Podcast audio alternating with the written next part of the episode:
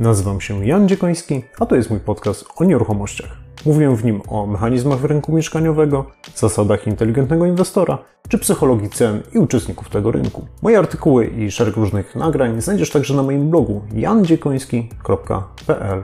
Jeżeli jesteś profesjonalistą i żyjesz z rynku nieruchomości, to zapraszam Ciebie także na mój serwis analityczny fltr.pl, gdzie razem z zespołem dzielimy się analizami i doradztwem dla uczestników naszego rynku.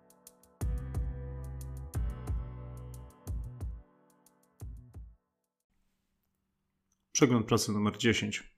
11-24 kwietnia 2021. Kampania szczepień w Polsce przyspiesza, podobnie jak w wielu innych e, krajach rozwiniętych. E, I w ogóle w chwili, kiedy nagrywam to nagranie, e, bodajże rocznik 75 już może się rejestrować, a za tydzień mój rocznik 85 będzie też się rejestrował.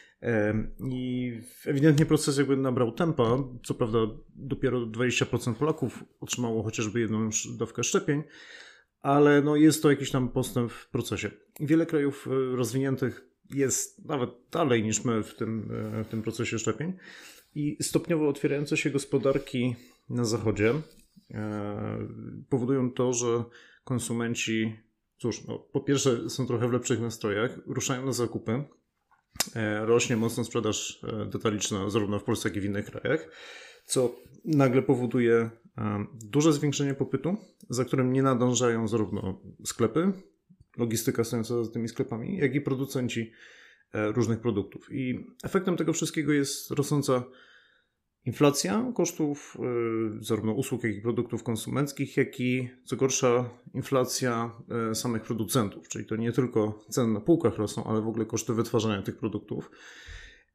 No i czynników jest bardzo wiele, o których powiem może później, ale coś, co wcześniej było mm, mało prawdopodobne, albo raczej Niewiele osób się obawiało aż takiego scenariusza, mianowicie inflacja przekraczająca 4% albo i więcej, no niestety powoli przestaje być jakąś fikcją i e, niestety, albo stety, bo trochę mamy nienaturalną sytuację, fikcją przestaje być e, ryzyko czy możliwość po prostu wzrostu stóp procentowych z powrotem do bardziej normalnych poziomów, e, z poziomu zerowego, jaki jest obecnie. I o tym dzisiaj chciałbym Wam powiedzieć. A i chciałbym też opowiedzieć, co się działo w ostatnich dwóch tygodniach e, u mnie, bo była to kampania kilku nagrań, wystąpień i jeden przydługi, ale mam nadzieję bardzo ciekawy artykuł.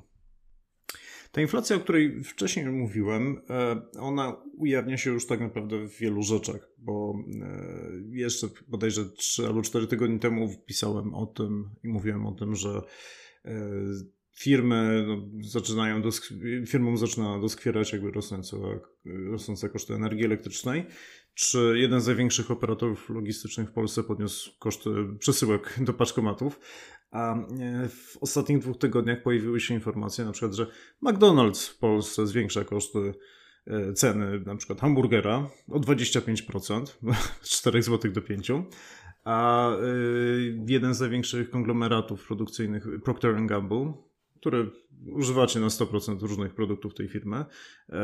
Wydaje że od września planuje dość istotne podwyżki swoich, cen swoich produktów. I wprawdzie jest to dobry sygnał, bo oznacza to, że konsumpcja i gospodarka szybko wracają na dawne tory, jednakże ten powrót powoduje presję na wzrost cen. E, bo o ile dość łatwo zamyka się fabrykę, relatywnie oczywiście, to dość trudno ją otworzyć równie szybko. E, e, stąd są te problemy właśnie e, cenowe. I sytuacja inflacyjna jest na tyle napięta, że mm, różne głosy, czy to w Polsce, czy, czy za granicą, na temat redukowania tak, zwanej, tak zwanego luzowania ilościowego, czyli potocznie mówiąc, drukowania pieniędzy i podwyższania stóp procentowych przestają być odosobnione. Przestaje to być coś, co by wydawało się w ogóle niemożliwe do mm, realizacji. I perspektywa końca takiego Eldorado, Eldorado w sensie zerowych stóp procentowych, pieniądza za darmo, no jest coraz bliższa. I powoli też nadchodzi czas wystawiania rachunku za mm, wysokie wydatki na programy walki z pandemią. No bo oczywiście w momencie, kiedy mm, wszystko było zamknięte i, i pandemia wygrywała jakby tą walkę, no to nie było co się oglądać na koszty, trzeba było walczyć między innymi z tym, że firmy przestają funkcjonować, pracownicy muszą dostawać jakieś wynagrodzenia. Cały świat wprowadzał różne programy wsparcia, także i Polska. No ale te programy wsparcia oczywiście coś kosztowały i wreszcie w momencie, kiedy już pandemia powoli, faktycznie mam nadzieję, trzymam kciuki za to, powoli zaczyna przegrywać, to powoli zaczyna się okazywać, no dobra, czas zapłacić za to wszystko.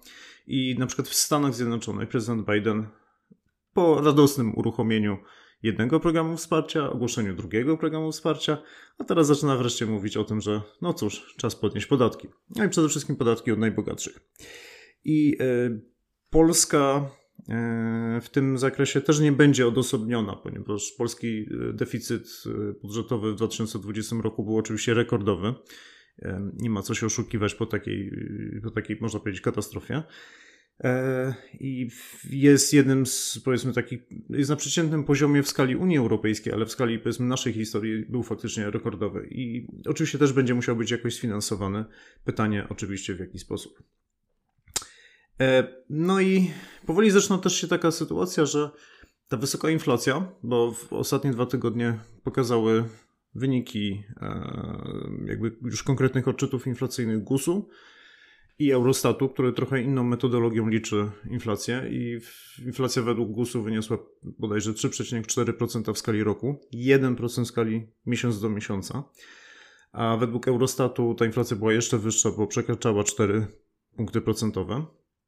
E, co powoduje, że cóż, wzrost kosztów życia jest na tyle szybki, a znowu ostatnie dane GUS-u na temat cen nieruchomości pokazują, że ich dynamika powoli zaczyna hamować, co może oznaczać, że y, dojdzie do takiego scenariusza, że ok, może nieruchomości nie będą taniały, ale realnie, w ujęciu realnym, po uwzględnieniu inflacji, będą już e, tracić. Ale oczywiście prezes NBP nadal idzie w zaparte, że nie ma szansy na podnoszenie stóp procentowych, które by hamowały inflację, mimo tego, że pojawia się coraz więcej głosów o niebezpieczeństwie tej polityki. Wiele z tych rzeczy przewidzieliśmy e, z doktorem Adamem Czerniakiem w wywiadzie rok temu, który możecie odsłuchać na moim kanale Spotify, który w ogóle powtórzyliśmy e, w dniu wczorajszym. I e, jak uda mi się wreszcie poskładać nagranie tego wywiadu, to będziecie mogli posłuchać, co prognozowaliśmy rok temu, no i co się okazało trafione, co się okazało nietrafione, no i jak to widać, jakie kolejne perspektywy widać na kolejne e, miesiące i lata. No i wreszcie polski rynek nieruchomości, e, moim zdaniem, trochę jest takiej sytuacji, że bal na Titaniku nadal trwa, mimo tego, co jest dookoła. Deweloperzy mają takie nastawienie, że hura, produkujemy ile wlezie. Jesteśmy przekonani, że jest możliwy tylko jeden scenariusz cenowy, mianowicie wzrost cen. A że to wszystko może kiedyś trzasnąć, ok, to tym będziemy się kiedy indziej martwić. Miałem na ten temat bardzo zażartą dyskusję w, półtora tygodnia temu, którą też możecie odsłuchać, e, w której e, w ramach tak zwanych e, Capital Market Days 2021 brałem udział w panelu z przedstawicielami kilkomu, kilku deweloperów. Jeżeli posłuchacie tej dyskusji, to, to ja mam obawę przynajmniej, że, że potwierdza ona jak bardzo są oni przekonani o tym, że jest super i trzeba tylko więcej produkować. No moim zdaniem to sytuacja jest troszeczkę odmienna, ale ocencie sami. Natomiast w jednym ci deweloperzy mają rację. Obecna sytuacja na polskim rynku nie przypomina poprzedniego kryzysu w Polsce. E, I moim zdaniem bardziej przypomina rynek amerykański z okresu 2000-2006, co jest jeszcze w sumie gorsze, bo wtedy przekonanie w Stanach Zjednoczonych było takie, że no ceny tylko mogą rosnąć. Doprowadziło to do kryzysu finansowego na całym świecie, ale też zdziesiątkowało amerykańską scenę budownictwa. Więc nie wiem, czy to jest takie dobre dla tych e, deweloperów. I w tym temacie polecam Wam przeczytać e, mój najnowszy artykuł poświęcony długoterminowym e, trendom cenowym, a mianowicie trzecia część tej serii opowiedziała o tym, jak e, różne kryzysy w Polsce, w Stanach Zjednoczonych, ale też i w innych krajach, w jaki sposób powstawały, jak, jakie były ich reperkusje, ale co tak naprawdę było źródłem w ogóle e, tego przerwania takiego ciągłego cyklu e, wzrostu cen nieruchomości. No bo ceny nieruchomości, tak jak mówiliśmy w poprzednich częściach tej, tej serii, co do zasady rosną, no ale w tym artykule mówię, no tak, ale co jakiś czas niestety też spadają. Więc zapraszam serdecznie do przeczytania, jakie mogą być przyczyny takich spadków, jakie, jakie były przyczyny na przykład kryzysu nieruchomościowego w Polsce między 2008 a 2013 rokiem i czym on się różnił na przykład od kryzysu w Stanach Zjednoczonych, a z czego wynikało na przykład 15 e, lat e, jakby spadków cen realnych nieruchomości w Niemczech w ostatnich trzech dekadach, czy z czego wynikały podobne jakby zachowania Japonii. No, myślę, że bardzo ciekawe i poczytne materiał dla tych, którzy zastanawiają się, co może być dzisiaj e, z polskim rynkiem nieruchomości.